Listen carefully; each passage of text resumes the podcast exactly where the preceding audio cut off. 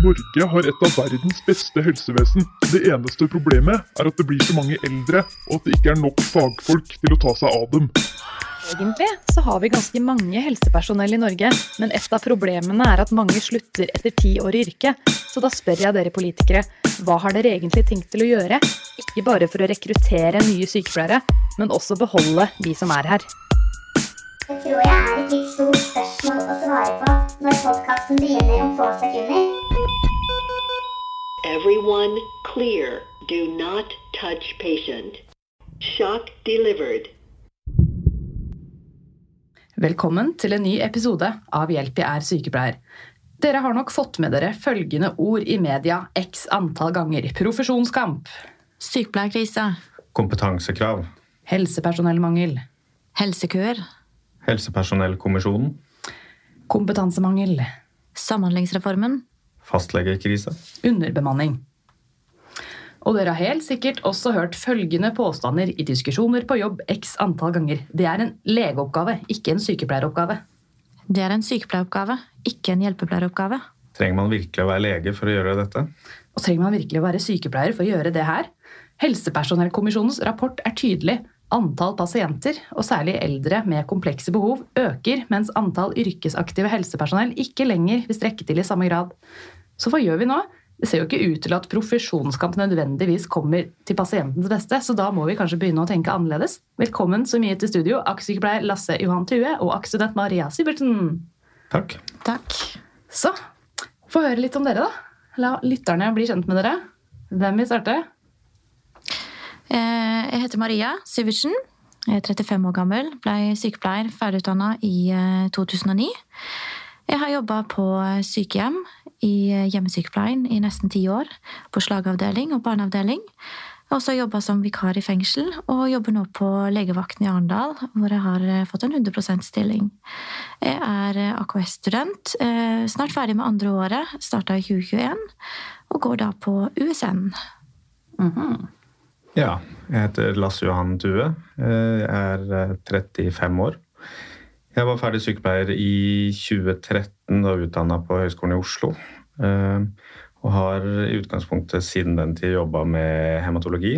Eh, Først et år på Ahus, og så ble vel åtte og et halvt år nesten på Rikshospitalet med et lite besøk innom Forsvaret en tur òg. Og så var jeg ferdig utdanna AKS i 2020 på sommeren. Eh, Så jeg har spesialistgodkjenning som klinisk allmennsykepleier da det kom på banen. da. Og Ja, du har fått den spesialistgodkjenningen. Mm. Stas. Så nå jobber jeg på hematologen på Ahus på poliklinikken der. Men da tenker jeg vi bare går rett inn i kjernen. Hva er AKS? Eller AKS? Ja eh, Hvor lang er en fisk? eh, en avansert klinisk sykepleier eh, er en sykepleier med en breddekompetanse som til nå kanskje ikke har vært ivaretatt i sykepleieryrket.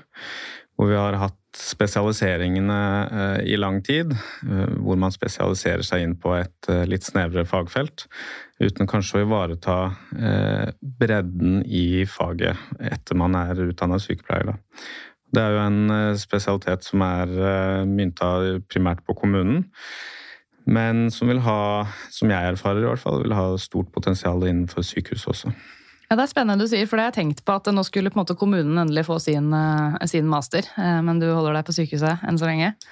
Ja, vi, jeg og vi gjør det. Ja. Vi er flere. Og det har jo vært opp oppe til diskusjon om eh, det skulle vært en egen sykehusaks.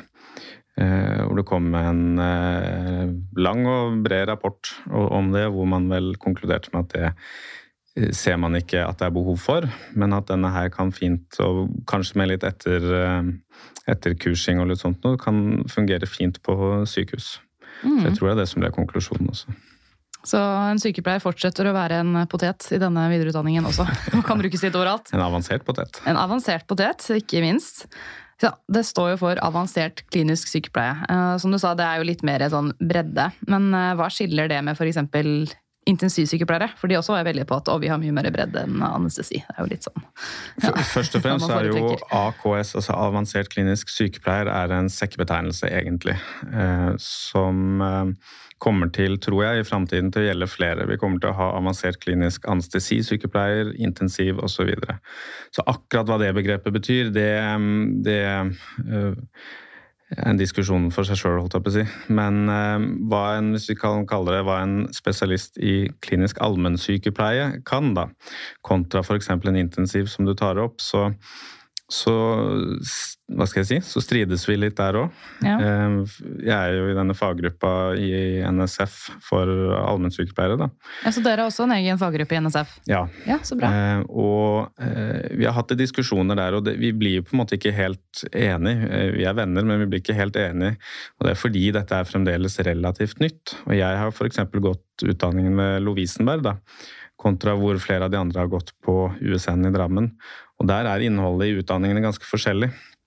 Så, så vi blir nok ikke helt enige ennå akkurat hva det store eh, skillet mellom oss Hvis vi tenker inn på sykehus, da, som du spurte om, intensiv er, så er det vanskelig å svare på. Mm. For eh, jeg har gått parallelt med veldig mange av intensivsykepleierne. Der la de opp det veldig likt.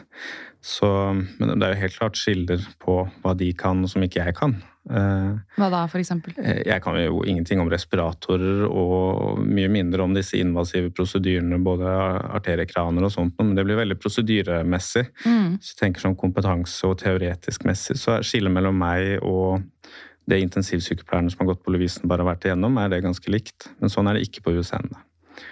Ikke sant, for det skal vi jo tilbake litt etterpå når vi kommer til utdanningsdelen.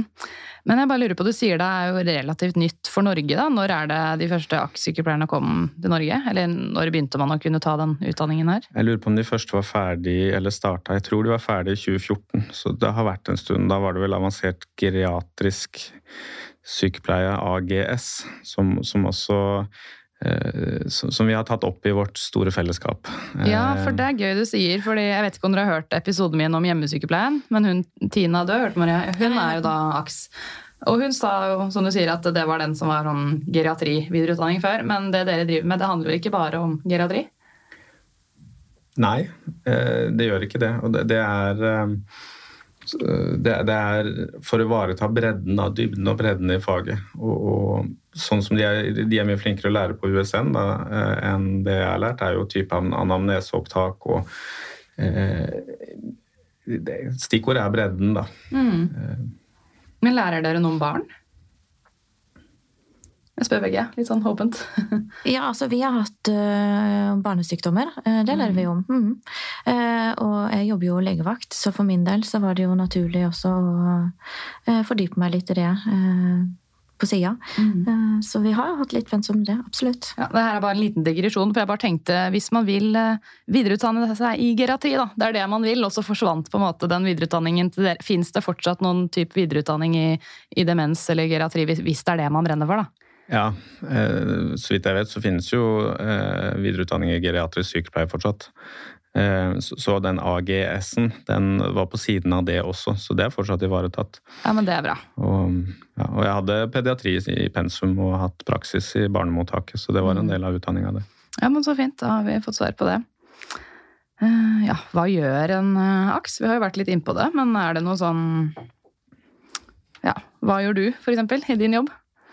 Det har jo akkurat endra seg veldig i og med at jeg begynte på, eh, på Ahus på poliklinikken der i et veldig spennende prosjekt for å bruke AKS-kompetansen til, til det fulle, da. Mm. Så, og det er, litt vanskelig for meg å svare på hva andre akser gjør i kommunen og sånt nå, Eh, men jeg kjenner jo disse andre i fagstyret godt. Og, og fellesnevneren er jo eh, en selvstendigheten i rollen. Eh, Og mm, eh, mulig, altså handlingsberedskapen og, og muligheten til også i framtiden å jobbe mye mer selvstendig eh, er hverdagen da, og det er jo det jeg gjør på Ahus nå også. Mm. Hvor kan man jobbe som aks? Man kan jobbe mm, der de vil ha aks. Rett og slett. Mm. Altså legekontor, fastlegekontor, legevakt, sykehus. Ja. Vi snakka litt om det i stad, og vi begge har jobba som vikar i hvert vårt fengsel. Og jeg vil tro at når, særlig når eh, De ligger under kommunehelsetjenesten, men når fengselsvesenet får opp øynene for potensialet ved å ha en aks i fengsel, så tror jeg det vil bli en kjempegod arena for, eh, for oss. Mm. Men denne spesialistgodkjenningen, eh, hva er egentlig det, og hvorfor er det nødvendig? Ehm, det er nødvendig fordi man trenger et, eh, si, et, offentlig eh, stempel på den kompetansen man har, eh, for at tjenesten skal bli likeverdig, er sånn jeg tenker på det. At når du ansetter en spesialist i klinisk allmennsykepleie i Nord-Norge, så vet du at den har den grunnleggende samme kompetansen som her i Sør-Norge. Ehm, og kommune eller sykehus, hva det skulle være. Eh, så der hvor eh, autorisasjon, sykepleierautorisasjon og sånt er ganske, den er ganske romslig, definisjon av hva som skal være og disse rammeplanene, så, så medfører det en forskrift for hva som, eh, som skal gi spesialistgodkjenning.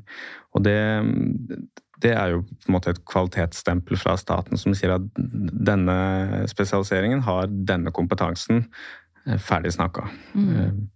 Men utover det, enn så lenge, så medfører det ingenting. Vi, vi, har ikke noe mer rettigheter eller eh, ennå. Men da har dere iallfall tittelen deres beskyttet, da. Det har vi òg. Ja, og det, det, tenker jeg det skulle jo bare mangle. Mm. Hvorfor ville du bli jaks? Jeg pleier alltid å spørre om du vil ha det idealistiske svaret eller det ekte svaret. Og det ekte svaret er at det er fordi jobben betalte for det. Ja. Jeg visste at jeg ville videreutdanne meg, og tanken var jo lenge innenfor anestesi f.eks. Men der var det ikke utdanningsstillinger å få, og jeg hadde ikke råd til å ta videreutdanning på, for egen lommebok. Så var det sånn at Avdeling for blodsykdommer på Rikshospitalet hvor jeg jobba før, de har to utdanningsstillinger i året innenfor AKS, som de har virkelig valgt å satse på. Mm. Og så fikk jeg en av de uten å helt vite hva det var. Først litt skeptisk, etterpå veldig fornøyd med at det var det jeg gikk. Ja, men så bra.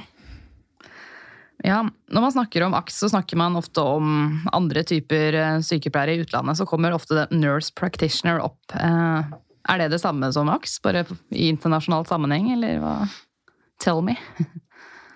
Er det nå vi skulle hatt eh, Jan Eilert Pedersen her? Han er eksperten på alle disse Han ja. sitter i fagstyret, han er eksperten på alle disse begrepene.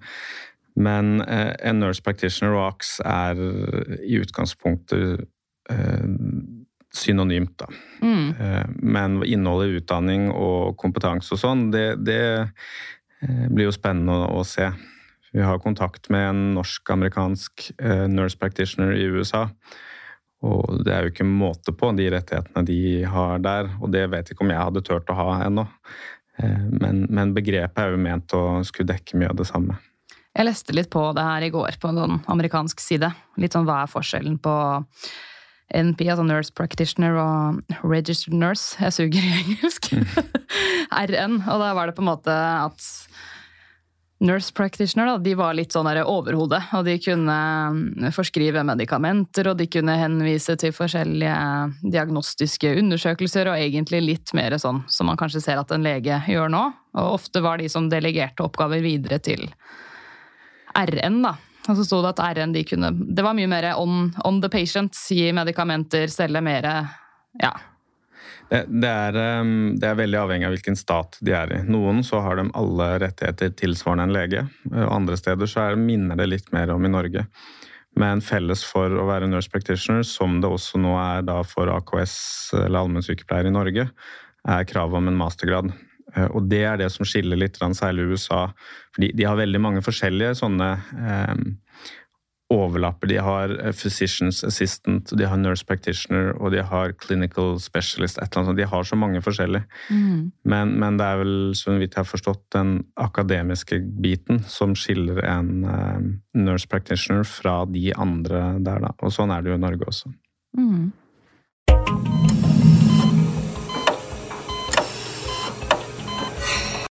Da tenker jeg vi går litt over til deg, Maria. Hvorfor ville du bli AKS, da? Du, eh, jeg ville bli AKS-sykepleier rett og slett fordi at jeg starta eh, i hjemmesykepleien rundt 2012, når Samhandlingsreformen kom. Eh, og jeg så jo etter hvert utviklinga. Det kom så mange triasjeringssystemer. News, gode pasientforløp, falljournaler. Jeg starta på legevakt hvor det var oppmøtetriasje, det var telefontriasje. Eh, jeg så det at eh, alle de eh, akutte, de subakutte og de vanlige tilstandene som kom på legevakt, jeg ønska å vite mer om de. Og jeg ønska å ikke bare se en pasient for symptomene det kommer med, eller den tilstanden de kommer med, men rett og slett eh, hele pasienten. Eh, derfor AKS. Mm. Og hvor var det du studerer, sa du? På USN, eh, Universitetet i eh, Sør-Norge. Ja, Ja, Hvor eh, hva er lokasjonen? Drammen og Tønsberg. Det er jo, to, det er jo flere campus, da. Men de som eh, jeg går på, det er jo Drammen og Tønsberg. Mm. Begge deler? Ja, vi har noen forelesninger på Drammen, og så har vi noen i Tønsberg. Det kommer litt an på om vi har øvingssal, eh, og hvilke forelesere vi har, rett og slett. Mm. Mm -hmm. Så du forflytter deg litt rundt på forskjellige steder i Sørøst-Norge, da? Ja, det er litt tilfeldig, faktisk. Ja. Hvordan er utdanningsløpet utdanningsløp, egentlig? Og hva, hva kreves for å komme inn på studiet? Eh, På USN så kreves det et eh, C-snitt. Eh, Og du må ha tre år eh, i praksis eh, for å komme inn. Og det syns jeg faktisk eh, er litt viktig for min egen del òg. Det å skulle ha noen eh, knagger å henge eh, kunnskapen på som jeg lærer, det syns jeg er litt viktig. Det å ha sett litt før. Så det med tre år eh, i forkant, det håper jeg de fortsetter med. For det syns jeg er kjempeviktig. Eh, videre så det vi lærer helt sånn spesifikt, da, det er jo Du går jo fordypning, altså du går i dybden i sykdomslære, i farmakologi. Eh, anamneseopptak eh, og klinisk undersøkelse. Og det var i hvert fall for meg, som var ferdigutdanna i 2009. Klinisk undersøkelse eh, og SKUV, da. Eh, det var nytt for En meg. klinisk undersøkelse òg. Eh, er en systematisk klinisk undersøkelse og Mhm. vurderingskompetanse. Mhm.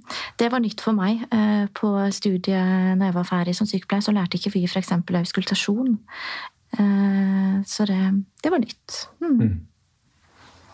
Og hvor mye teori versus praksis er det? På sånn klassisk bachelor-sykepleie så er det jo, skal det i hvert fall være 50-50. Eh, altså, vi har tolv uker klinisk praksis eh, i løpet av de fire åra på deltid. Eh, det er du nødt til å ha, og 50% av det må være i kommunehelsetjenesten på USN. For å få det godkjent. Mm. Er det, du går et masterforløp. Jeg går et masterforløp. Er det kun mulig å ta masterforløp i AKS? Eh, I hvert fall på USN. Utover det så vet jeg ikke. Nei, det, det finnes, har i hvert fall gjort det, andre som, som kaller utdanningen avansert klinisk sykepleie eller noe rundt det, men som f.eks. har vært 60 studiepoeng og 90 studiepoeng og sånn. Eh, Og selve avansert klinisk sykepleier er ikke et beskytta tittel, men spesialist i klinisk allmennsykepleie er jo det. Så, og det krever en mastergrad i forskriften. Så skal du på en måte bli det vi som, som er per nå AKS, så må du ta en master. Ja, spesialist i klinisk allmennsykepleie. Så det kunne vært en egen forkortelse for det, da, egentlig. Ja, det blir skaks, det, da. Skaks, ja. Det er mye forkortelser eh, i den medisinske verden, Ja, kan man si. Ja. Er det noe standardisert man må lære av prosedyrer og undersøkelser på AKS-studio? Altså det som i hvert fall, Nå snakker jeg ut fra USN, da, for det er jo der jeg går som student. så jeg legger jo vekt på det. Eh, Det som de legger vekt på der, er jo, som er spesifikt, er jo den eh, grundige anamnesen. eh, Anamneseopptaket og de systematiske kliniske undersøkelsene. Hvor du inspiserer, du palperer, du perkuterer og du auskulterer. og det Eh, Altså Det er de skikkelig flinke på på USN. Eh, første året så går vi gjennom de ulike organsystemene som modulbasert. Eh, og starten av første året så har du rett og slett en praksis. Du, altså praktisk eksamen. Du går opp eh, hvor du har eh, ekte pasienter du skal undersøke. Du skal finne diagnoser, differensialdiagnoser, og vise at du kan gjøre det systematisk ut fra da anamneseopptaket du hadde. Og det syns jeg er skikkelig lærerikt. At du blir på en måte kvalitetssikra før du skal ut i praksis, sånn at de har en viss kontroll på hvilke studenter de sender ut. da. For dere har på en måte en smørbrødliste med ting dere må gjennom? Mm. Så bra. Mm. Ok, La oss si at du jobber på legevakten, og så kommer jeg inn som pasient. Jeg har nedsatt allmenn tilstand og føler meg dritt. Hva slags undersøkelser ville du gjort på meg da? Ja, hvis du var bare en generelt vanlig dårlig pasient. Ja, altså På legevakten så kommer du jo gjerne inn eh, Da ville du havna på et kartblad dårlig voksen, ikke sant? hvis man ikke hadde noe fokus. Eh, nå er det jo ikke sånn at det er noe eh, AKS-fokus på legevakt ennå, faktisk. Eh, men det jeg ville starta med, var jo å gjøre en anamnese. Jeg ville spurt deg eh, systematisk hvilke organsystem du eventuelt hadde eh, symptomer fra, hvilken bakgrunn du hadde, hva som var det aktuelle. Eh, og så ville jeg jo da ut fra hvilke eh, konkrete funn jeg fant i anamnesen, eh, så ville jeg gjort da eh, undersøkelse. Eksempel, hadde du kortpust, så ville jeg lytta på lungene dine, jeg ville samtidig hørt på hjertet, utelukka at det ikke var noe fra abdomen. Eh, gjort aktuelle prøver ut ifra det, da. Eh, mm. Og så er det du som skriver da en innkomstjournal.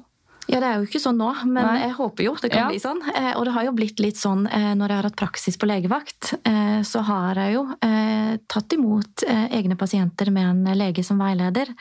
Eh, og da har man jo på en måte hatt det anamnestiske fokuset da, som man lærer, og det er utrolig eh, lærerikt og veldig gøy når man da finner fram til eh, Hadde f.eks. en pasient som kom inn med uspesifikke magesmerter. Eh, gjorde en eh, undersøkelse av abdomen. Eh, Sjekka selvfølgelig hjerte og lunger. Eh, og andre infeksjonstegn. Tok Vitalia, og eh, det var en appendisitt. Så det, det er jo veldig gøy da man eh, ser Nøster opp i ting. Ja, Ja. kjempegøy. Ja, det virker veldig spennende der.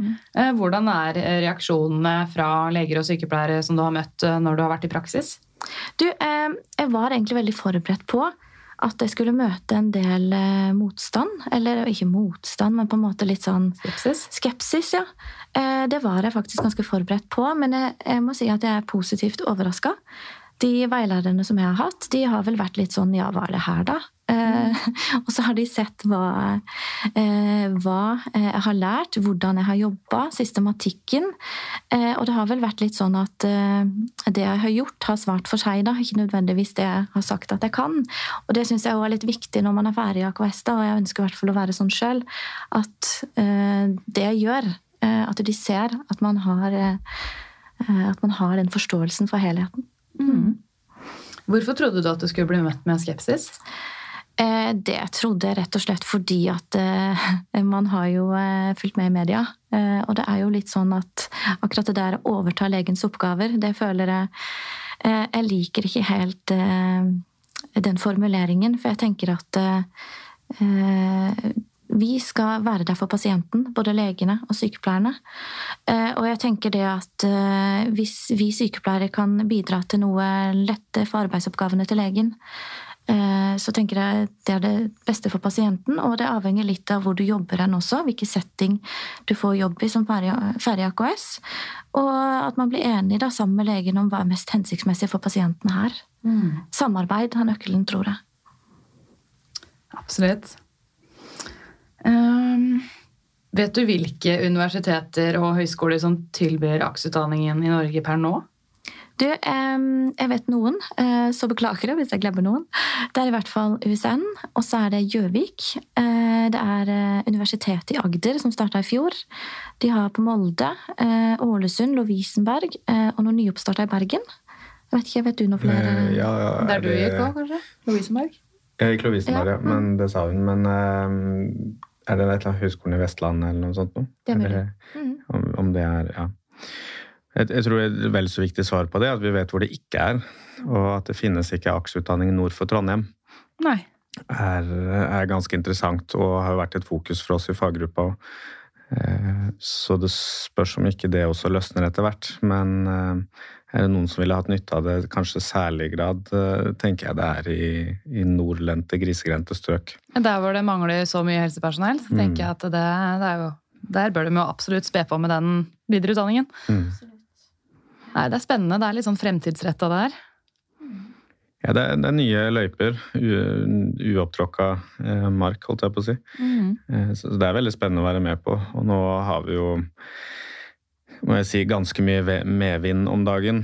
Og det, det er jo moro å ha vært med på før vi hadde medvind, og nå ser jeg at nå, nå på en måte løsner det litt i, i, i skepsisen og eh, som du var inne på, at det er eh, flere begynner å tenke at nå må vi se på hvilke behov pasienten har, eh, og i mindre grad snakke om hvem som eier en oppgave Mm. osv. Ja, for det er der brodden har ligget. Sånn som de setningene vi leste opp i starten. Det er en legeoppgave, ikke en sykepleieroppgave. Har det vært liksom der diskusjonen har vært? At det skal være så svart på hvitt hvem som kan gjøre hva? Jeg har aldri opplevd det i praksis uh, sjøl. Men det kommer fra fagpersonell? Basically? Det kommer nok gjerne fra hva skal jeg si, eh, fagforeninger og interesseorganisasjoner. Ja. Eh, Men det er som du sier, man snakker om legeoppgaver og sykepleieroppgaver, men det, dette er jo ikke en liste som finnes. Nei, det er jo egentlig ikke det. Eh, Så, så jeg tenker man må, må gå vekk fra den måten å tenke på, og så må man se hvilke behov har pasienten. Og så må man jobbe ut ifra det og se hvem har kompetansen til å løse denne oppgaven. Og hadde det vært en liste, da, så hadde vi opp, måttet oppdatert den for 20 år siden. Det er min erfaring fra sykehus, som du og du også jobber, at vi gjør veldig mye mer i praksis på et sykehus enn strengt tatt kanskje de rettighetene vi egentlig har. Jeg syns det beste eksempelet er når vi er på nattevakt. Og, og pasienten trenger et eller annet sånn ja, Noen medisiner, så ringer vi en eller annen vakthavende lege som kanskje sover. Og så spør vi kan pasienten få det og det, og så svarer legen bare ja, ja. Uh, uten å nødvendigvis slå opp og gjøre kanskje de nødvendige undersøkelsene, uh, men, men stoler blindt på det vi sier. Og det er jo kanskje litt lompent gjort òg, syns jeg. fordi hvis noe går gærent, da, så er det jo legen som blir kasta under bussen. Så jeg tror det ville vært bedre kvalitetssikring hvis man hadde sett på, uh, på, på, på denne her lista av hvem har lov til å gjøre hva. Det tror jeg ville vært en kvalitetssikring av arbeidet vi gjør. For i praksis så er vi jo langt forbi den lista sånn som, man, som ikke finnes. sånn som man For det er kanskje en liste som bør oppdateres i så fall, for nå sklir det jo litt alle veier at den som egentlig har tid til å gjøre det, får bare uh, gjøre det. Men jeg har gjort meg noen tanker selv. Hva er det jeg kunne overtatt av eh, legearbeidet på jobben? Og det er litt sånn upopulært å si det, for det er alltid noen sykepleiere som er hei, vi skal ikke ha enda mer å gjøre, slutt med det der. Men så tenker jeg at eh, da kan jo vi også delegere videre noe vi ikke trenger å gjøre, sånn som f.eks. oppvask eller unødvendig papirarbeid. Men sånn for eksempel å skrive resept på bleier da, på inkontinensuser Jeg tror ikke det hadde vært farlig for pasienten om jeg hadde gjort det. Men snakker vi om cytostatika dermed, så hadde jeg ikke følt meg så trygg på å gjøre det. For jeg kan ikke så mye om det og hvordan det påvirker pasienten helt på cellenivå. Jeg syns du hadde et veldig godt eksempel da vi snakka sammen sist. eh, Eller var det en av de tingene du la ut, var det kanskje? At eh, hadde det vært hva du sa, 20-30 år siden, så hadde ikke du hatt lov til å legge urinkateter. Eh, Og enda litt lenger siden så hadde ikke vi hatt lov til å ta blodtrykk. Så dette her er dynamisk og utvikling, og så må vi følge med på utviklinga. Og, og, og så må vi gjøre det i begge ender, for vi må, vi må se på hva må en sykepleier gjøre dette her. Eh, Kan en hjelpepleier gjøre det, eller nå må vi også stille spørsmål kan en ufaglært gjøre dette her. Mm. og det er eh, Jeg skjønner jo skepsisen fra lege nå, for det er litt vanskelig å gi fra seg oppgaven og gi- den tilliten til at dette går jo helt fint. Mm. Men det gjør jo det så lenge man gjør det kontrollert. Så går det stort sett bra. Og så tror jeg også det avhenger litt av eh, altså Det er så mange fastleger, da, hvis man, hvis man snakker om kommunehelsetjenesten. Eh, altså da, bare i Arendal så er det jo 50-60 fastleger, ikke sant. Du skal jo eh, kjenne hver og en av de, hvordan de jobber, eh, hva slags fokus de har. De skal kjenne deg som ferdig AKS-sykepleier. Eh, hva slags eh, Om du kjenner dine egne begrensninger, hvordan du jobber. Eh, jeg hadde en lege som sa det at eh, akkurat det her med legeoppgaver, for det er jo litt det som har vært i media, ikke sant. Ja, dere skal komme og løse fastlegekrisen. Eh, det høres jo fint ut, men det kommer ikke til å gå. Nei, eh, det er nå én ting, det blir på en måte sånne fraser som blir sagt, da, men så sier vedkommende til meg at men når jeg ser hvordan du jobber, og hva du gjør når du er i praksis, og hvilken tilnærming du har, så gjør det at jeg på en måte får tro til at vi kan få til et samarbeid i framtiden. Og det syns jeg er kjempefint at på en måte vi som eh, AKS-studenter er ferdige AKS-ere, også legge litt vekt på hvordan vi omtaler det. At vi ikke bare skal gjøre det, men at vi Veien dit, da. eh, At det blir en eh, fin samhandling. Jeg tror Du nevnte jo samarbeid i stad, og det, det, det har jeg sagt en stund. eh, At jeg tror vår fremste fordel som som AKS, eh, er jo den erfaringen vi har gjort oss som sykepleier. Og, det gir et kjempefortrinn at jeg tror vi er veldig flinke sånn generelt sett på samarbeid. Mm. Så derfor tror jeg også Jeg har heller ikke hørt om eh, når AKS og, og leger har fått lov til å jobbe sammen litt. Vi må bare bli litt kjent, kjent. Så ser de hva, hvilken kompetanse som ligger der, og så bygger tilliten seg opp, og, og da løsner det. Så det er, det er som du sier, samarbeid og tillit er løsningen, og, men da må vi ha en kontaktflate. Og det tror jeg er derfor det utfordringa har vært veldig stor, eh, særlig innenfor, kanskje inn mot fastlegene, særlig hvor vi har møtt en del kritikk. da. Fordi vi, vi er jo ikke der. Men det er jo nok av historier, eh, hvis man slår det opp, og særlig fra Notodden, da, med, med gode eksempler på hvor skepsis har utvikla seg til eh, nærmest en nasjonal standard for hvordan det bør gjøres. Men det her er jo typisk mennesker. da. Man er jo skeptisk til det som er nytt. Mm. Men så er det jo sånn dere, Stikkordet er jo samarbeid, som dere sier. Så i stedet for å tenke duell, så må vi tenke mer duett. Mm. For å være litt metaforisk her. Ja, fin. Ja, ikke sant? Og så er det jo forskjell på om en helt nyutdanna sykepleier som akkurat er ferdig med sin bachelorgrad, skal gå og ta en systematisk undersøkelse av en pasient og lytte på lunger og skrive en innkomst, versus når du, Maria, skal gjøre det som har jobba som sykepleier i mange år og nå holder på med en avansert eh, klinisk videreutdanning. Det er jo det. det er en sykepleier er jo ikke en sykepleier, det er jo ikke liksom gulost av gulost. Nei.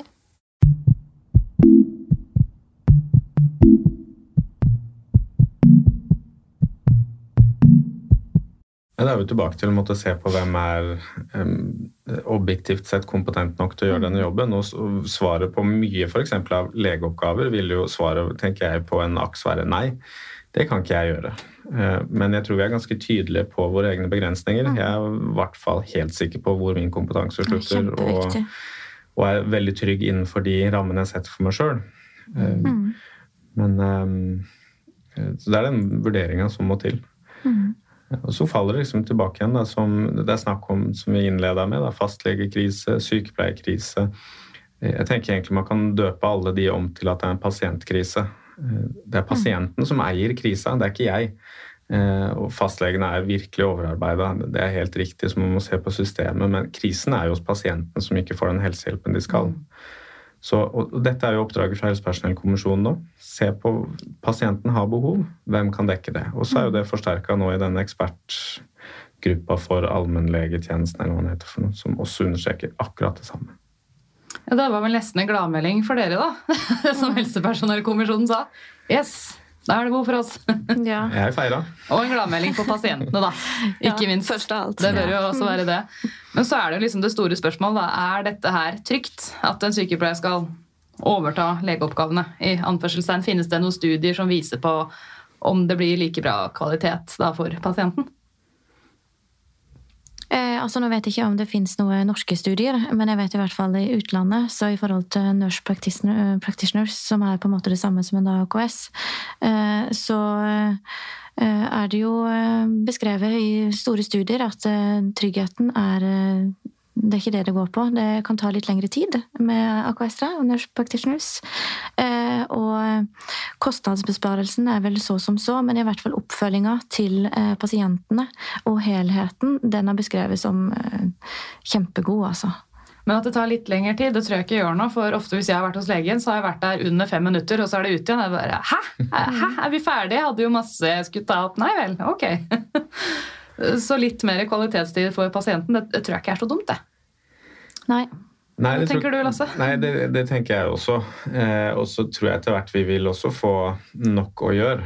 eh, så, så det er ikke sikkert er- altså, altså, Vi vil også kunne ha det travelt. Ja, Man skal jo ikke sitte og eh, dulle, det er jo ikke det jeg sier, men, men, liksom eh, litt sånn kvalitet, da. Men spørsmålet ditt var jo er dette trygt. Ja, er dette trygt? Og det vil jeg jo si, og det er jo fordi jeg, jeg flirer litt. Jeg har sånn, der, sånn karikert bilde i hodet av hvordan de, de verste kritikerne ser for seg at dette kommer til å foregå, og da ser jeg liksom for meg en aks som gnir seg hendene at nå skal jeg skrive ut alt til alle. Eh, mens faktum er at hvis jeg, eh, de gangene jeg har fått delegert det ansvaret, og med det jeg driver med nå, så, så er jeg veldig eh, bevisst mitt ansvar. eh, og sjekker dobbelt, trippelt Mm. før jeg gjør noe som, som kan ha en alvorlig påvirkning på ting. Og det tenker jeg er den tilliten man som på generell basis må gi fagfolk. Eh, man, man må kunne kreve at man kjenner sine egne begrensninger. Så det at vi skal løpe rundt og, og skrive ut alt til alle eh, og virkelig ta livet av den norske befolkninga, det, det, det er jo til å humre litt av, da, fordi det er jo ikke sånn det er. Nei, nei, Det kan jeg ikke se for meg at dere gjør, som er sykepleiere. som er så, Vi har jo det så inn i ryggmargen hvor forsiktig man skal være med legemidler og de syv r-er og dobbeltsjekk og trippelsjekk og Mm. ja. Vi er, vi er samvittighetsfulle mennesker, vi òg, fortsatt, fordi om vi har tatt en master. Ikke sant? Man er ikke for høy på seg selv. Nei, absolutt ikke. Så er det kanskje noen som lurer på hvor kommer på en måte skillet til å gå da, mellom en lege og en sykepleier med AKS inn i bildet? Ja, altså jeg holdt på å si det skillet. Jeg syns det er kjempevanskelig å definere. Men for min del jeg er en sykepleier eh, med utvida kompetanse eh, til å se større helhet hos pasientene. Så det skillet, holdt på å si, det kommer jo an på eh, hvor du jobber, hvilke oppgaver du får. Jeg tenker at eh, Legene er fortsatt leger, vi er fortsatt sykepleiere. eh, Men oppgavene som tidligere har vært eh, utført av leger, kan kanskje eh, tilfalle en sykepleier. Eh, Så jeg tenker at det vil jo fremtiden vise. Lasse, hva tenker du? Jeg tenker man er, Det er fremdeles sånn at man er det man spiser. Mm. Man er god på det man driver med. Og det er ikke gitt at det, det jeg driver med nå på Ahus, er det er ikke gitt at en hvilken som helst aks vil kunne gjøre. Men det gjelder jo for de på sengepost nå. eh, håper si, sykepleiere uten videreutdanning. Eh, Dette har vi jo alle erfart. Det er forskjell på Du kan få telefoner fra en annen avdeling på ting som, som strengt tatt er ansett som en generell sykepleieroppgave, men fordi man har ikke gjort det på 100 år, eller kanskje noensinne, så ber man om hjelp. Og sånn tror jeg det vil være for AKS videre også. Eh, og, og, så det beror litt på hvor man er og hvilket samarbeid man har. Mm. Mm. Så jeg tror det vi driver med nå er å åpne dørene for å si at ja, men dette her er jo noe legene har gjort eh, historisk sett i lang tid, men nå skal noen andre gjøre det. Akkurat den oppgaven. Men eh, det er som du sier, jeg er fortsatt sykepleier. 100 Ja. Men jeg gjør litt andre ting enn jeg har gjort før. Så for å svare kort på spørsmålet, da, den store forskjellen er tittelen. Ja. Ja. Men altså sånn, medisinske avdelinger eller fastlegekontorer, der føler jeg at det, det kan bli ganske likt. Men sånn på kirurgiske avdelinger, jeg kunne jo ikke på en måte bare gått ned og okay, da opererer jeg ut den nyra. Nei, og no noen ting vil aldri bli en sykepleieroppgave. Eh, og um, Eller er det sky's the limit? ja. Avansert klinisk kirurg. Ja. Eh, nei, og, og for min del så har jeg et veldig tydelig skille for min kompetanse. De uselekterte pasientene, som typisk jobber mer i legevakt, og som fastlegene er jo eh, Som er virkelig deres domene, der har ikke jeg noe å drive på med. Eh, Men idet de er selektert, og, man har litt oversikt over diagnose, så kan videre oppfølging da, da må vi begynne å snakke sammen igjen. Hvem kan gjøre dette her? Men, eh, men jeg vet Akser også driver med uselekterte pasienter, og særlig igjen da, dere på USN er jo veldig godt skolert i å, å ta de. Det er ikke jeg. Og så tenker jeg spesielt altså, i kommunehelsetjenesten.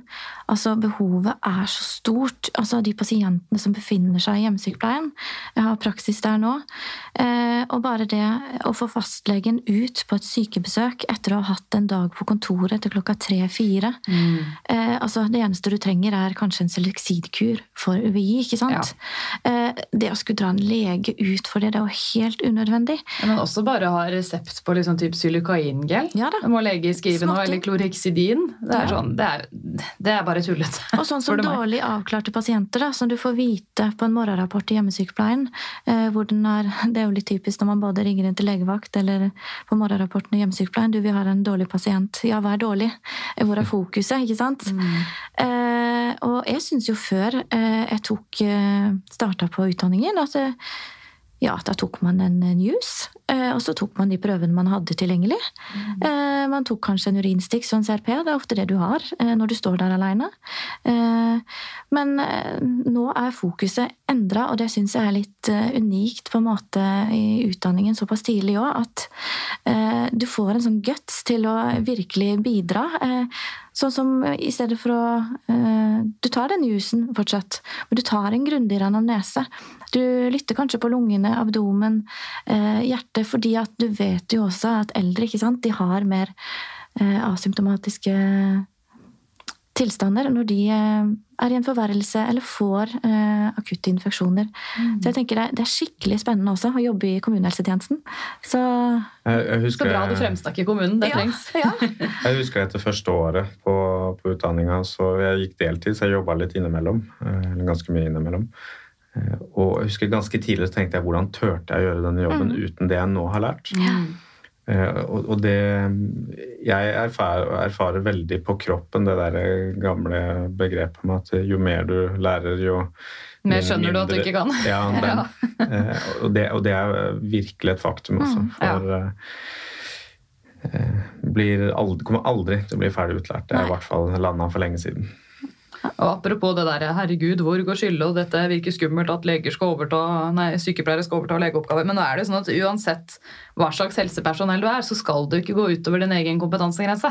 Så hvis man bare fortsetter å holde den eh, regelen der, så skal det jo gå bra. Jeg skal jo, ikke, selv om jeg er sykepleier, så skal ikke jeg gå og gjøre en prosedyre som jeg ikke kan, bare fordi jeg er sykepleier, og det skal en sykepleier kunne. Det er på en måte... Da må man heller be om opplæring. Ja, kjempeviktig. tenker jeg det Man kan jo lene seg litt på og tenke når, man, når, når angsten for dette her slår inn for fullt, fordi det måtte gjøre det for, så er det jo sånn at eh, også medisinstudenter eh, mot slutten av studiet får jo, kan få lisens. Og det, det vil si at Du har jo da noen som ikke er lege, som skal gjøre disse oppgavene. og Det er jo typisk sånn i sommerferie. og og sånt, så, og, og, og hvis man skal se på rettigheter, så er det jo sånn at fysioterapeuter og kiropraktorer har jo henvisningsrett og sykemeldingsrett og litt sånt noe. Så, så det er egentlig ingenting av dette her som er veldig nytt, men det er ganske nytt at man gir det til sykepleiere. Mm. Så, så det er sikkert der det står, tenker jeg. En del. Skal vi starte på litt eh, Q&A, da? Mhm. Ja, det går jo litt i det samme, da. Hva er dere spesialister på som andre sykepleiere ikke er? Er det noen som spør om? Det var jo du inne på i stad, Lasse, men jeg syns jo det er bredden i faget. Altså helheten hos de komplekse pasientene som har så mange sammensatte diagnoser. Eh, ja, det er jo egentlig det. Merker at folk har veldig behov for å sette folk i båser. Vite akkurat skillet hvor er. Ja. Og det skjønner jeg, det er vanskelig å forholde seg til Ja. andre hvis ikke du vet hvor du har dem. Men uh, svaret er enkelt. Vi er spesialister i klinisk allmennsykepleie. Mm. Også. Folk skjønner ikke hva det betyr. ikke sant? Det er sånn helhetlig, men hva betyr det, da? Og Gi de ti år, så er det lettere å gi et Ja. enhetlig svar på det, for da har de fleste vært gjennom et mer strømlinja løp. Men, men, men hovedbudskapet her er jo breddekompetansen og dybden i den bredden. Altså, jeg har lenge sett det for meg som at man har grunnutdanninga fra sykepleien, den bacheloren, og så dytter man den der lista bare enda dypere inn i flere av fagområdene. Eh, og- men, men der diskuterte vi en hel helg i fag, fagstyret, for alle var ikke helt enig i det. Så, så der ser du, det, det tar litt tid å lande det. Men Så svaret er liksom to be continue. ja, eh, det er kanskje det. Ja. Vi kan ta en ny episode om noen år. Skal vi se hvor Ja. dere er da, er og hva som har skjedd. Det må vi gjøre. Så lenge folk vil høre på denne podkasten, så lager jeg podkast. Ja. Ja, det er ikke noe problem. Hvordan ser arbeidshverdagen deres ut? Nei, nå, min arbeidshverdag nå er jo, er jo så spennende og komfortabel som jeg noensinne har hatt det. Ja, For du er på poliklinikk nå? Ja, eh, jeg er ikke ansatt på poliklinikk, men jeg jobber poliklinisk, da. Så det som er landa nå Nå har jeg dagstilling, eh, åtte til fire jobb, men jeg styrer de arbeidstidene litt selv, eh, hvis jeg vil komme før. Jeg har stort sett pasienter fra klokka ni. Hver tirsdag og torsdag så har jeg beinmargsbiopsi poliklinikk. Det er det jeg gjør. Og så eh, planlegger og koordinerer jeg nå revaksinasjon av stamcelletransplanterte, og det er ganske stort detektivarbeid. Det er en oppgave som til nå har ligget i, i primærhelsetjenesten, men som, eh, som ikke har funka. Så da tilbyr vi det, så det er en del jobb. Og så, så blir det en del kontorarbeid mellom dette her. Og så skal vi snart i gang med et nytt prosjekt innenfor pakkeforløp eh, for lymfom. Så eh, det, er, vel 50-50 pasientkontakt og papirarbeid, tenker jeg. Beinmargsbiopsi. Eh, Hvordan tar du det? Da, korthistorien er at da borer jeg med et instrument inn i hoftekammen, og så enten så trekker jeg ut, aspirerer eh, flytende beinmarg, eller tar ut en biopsi, eller begge deler. Gjør det vondt for pasienten? Ja. Ja. For, Det de smertestillende? Eh, nei, de får, de får, eh, de får lokalbedøvelse. Ja, og så de får er det- noe. Ja da, og så Ja. er det veldig mye mindre enn de fleste har frykta. Det eh, eh, Det må være hovedbudskapet, og at eh, kvinner tåler det mye bedre enn menn. Og okay. eldre kvinner tåler det veldig mye bedre enn menn Oi. på min alder. Så, så det er alltid en fryd når jeg har, har disse litt opp i åra. Da går det fint. Ja, men Det er en greie at de eldre får mindre vondt av mange Mm. ting. Jeg merker det jo sånn de som har gjort uh, laparoskopier på jobben da, og fjerna nyre og sånn, de eldre liksom Nei, jeg klarer meg helt fint på Paracet. sett, Hvorfor skal det her gjøre så vondt, da? Mens de unge «Ah, De ligger sånn. og det er jo ikke nødvendigvis fordi de er mer pysete, men ting er litt mer stramt inni kroppen, og det gjør mer vondt, da. Ser vi iallfall på, på min avdeling. Ja, det var, jeg hadde en ung mann, han måtte jeg holde litt fast. Og så har jeg disse litt eldre damene, og de skulle ikke tro jeg rørte dem. Så det, det er hele spekteret. Men beinmargsbiopsi, ja, det er vel en av de tingene som folk før bare Herregud, kan en sykepleier gjøre det? Det er helt riktig. Ja. Men igjen internasjonalt så er ikke det noe sensasjon, og jeg er ikke den første sykepleieren i Norge som gjør det. Men jeg tror det omfanget vi har lagt opp til nå på Ahus, det tror jeg kanskje er eh, noe enestående. Så får vi, altså Som i at det er kun avis som gjør det sånn. Da. Så får vi se.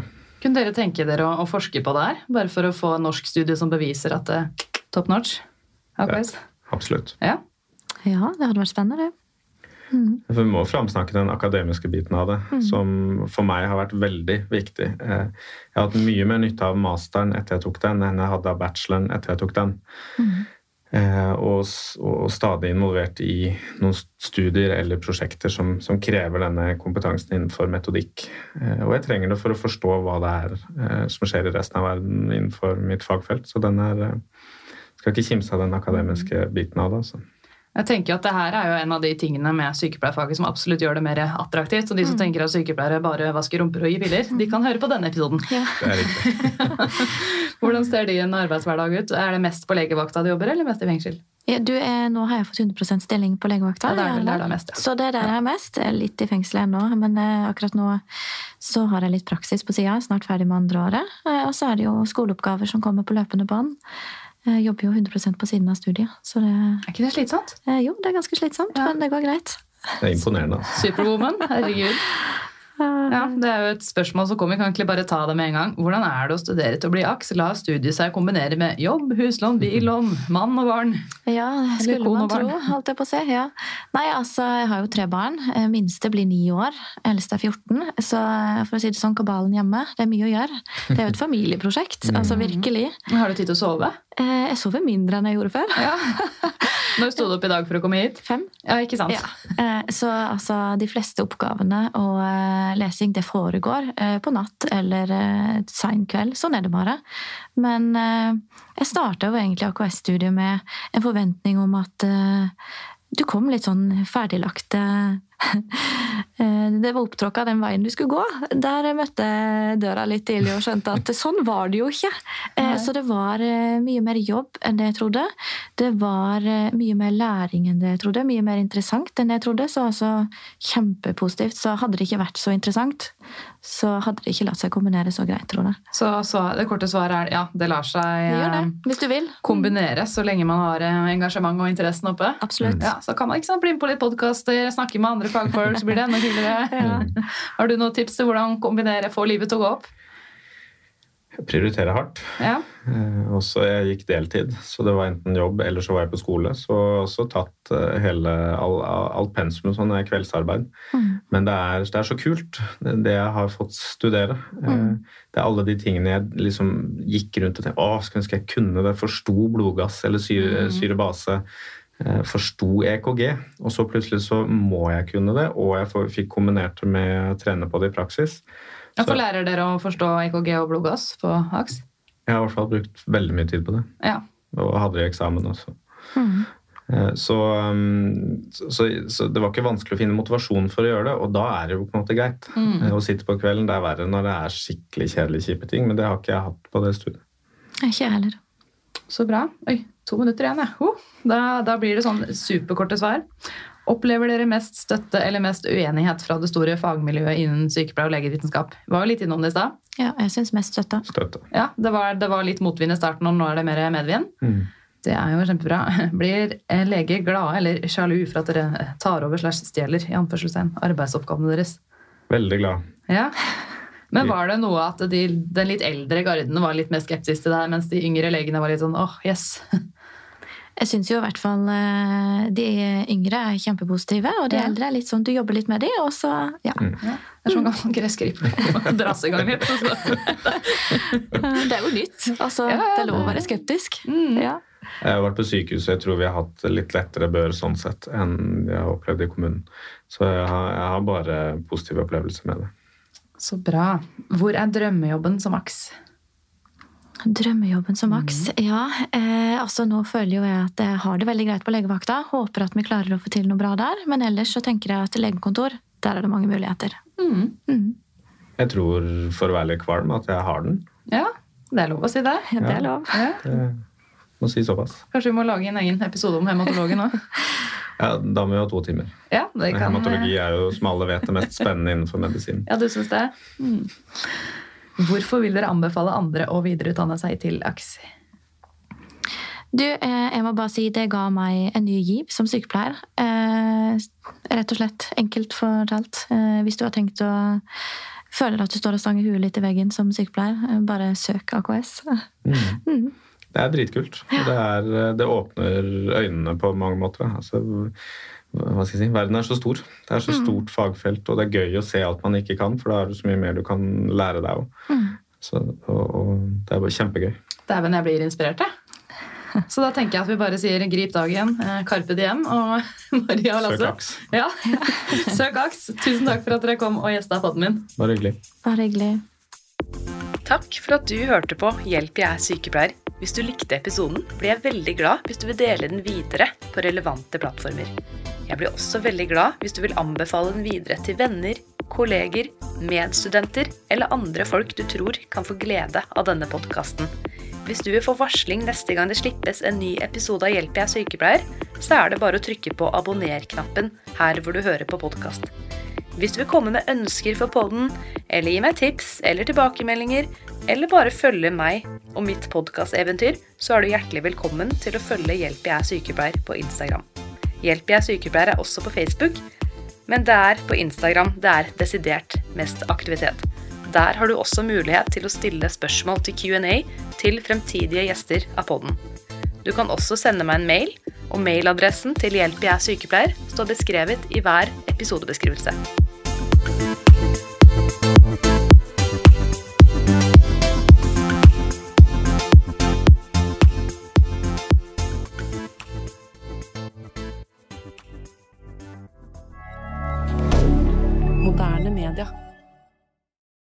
Har du et enkeltpersonforetak eller en liten bedrift? Da er du sikkert lei av å høre meg snakke om hvor enkelt det er med kvitteringer og bilag i fiken, så vi eh, gir oss her, vi. Fordi vi liker enkelt. Fiken superenkelt regnskap.